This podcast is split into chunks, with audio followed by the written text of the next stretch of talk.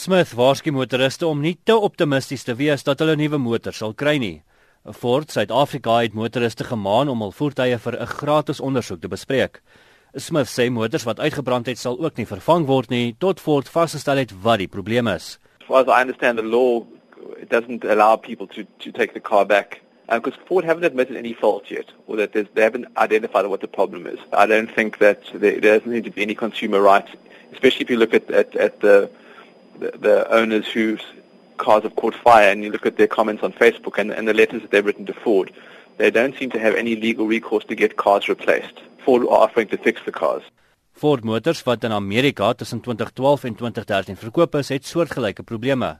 In the US where this car is also sold, although it's called the Ford Escape, there were similar issues in I think 2012, 2013 and there were some um, as I understand, some lawsuits and some settlements in the US.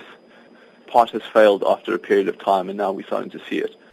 Maar Ford Suid-Afrika sê niks oor die brandende nutsvoertuie nie en motoriste wag nog vir 'n volledige verklaring. Their hands are tied in terms of what they can say and what they can't say.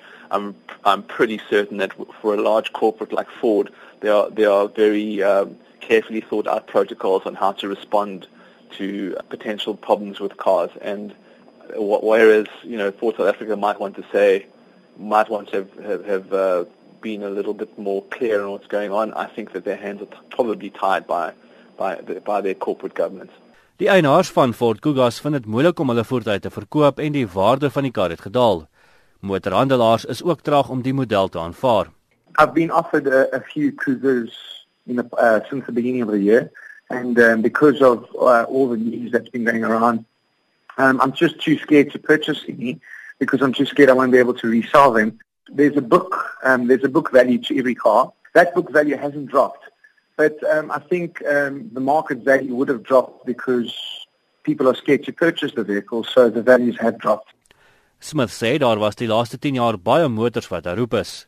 I don't think it's because cars are more faulty or they certainly are more complex, so there is chances of more things going wrong. But I think um, in the last couple of decades, and specifically in the last decade or so, there's a lot more um, consumer action around this stuff. We all communicate with each other now. Dit was Steve Smith, die redakteur van die tydskrif Car, wat daardie bydrae van Amina Akram van ons ekonomiese redaksie afgesluit het. Ek is Justin Kennerly vir SAK nuus.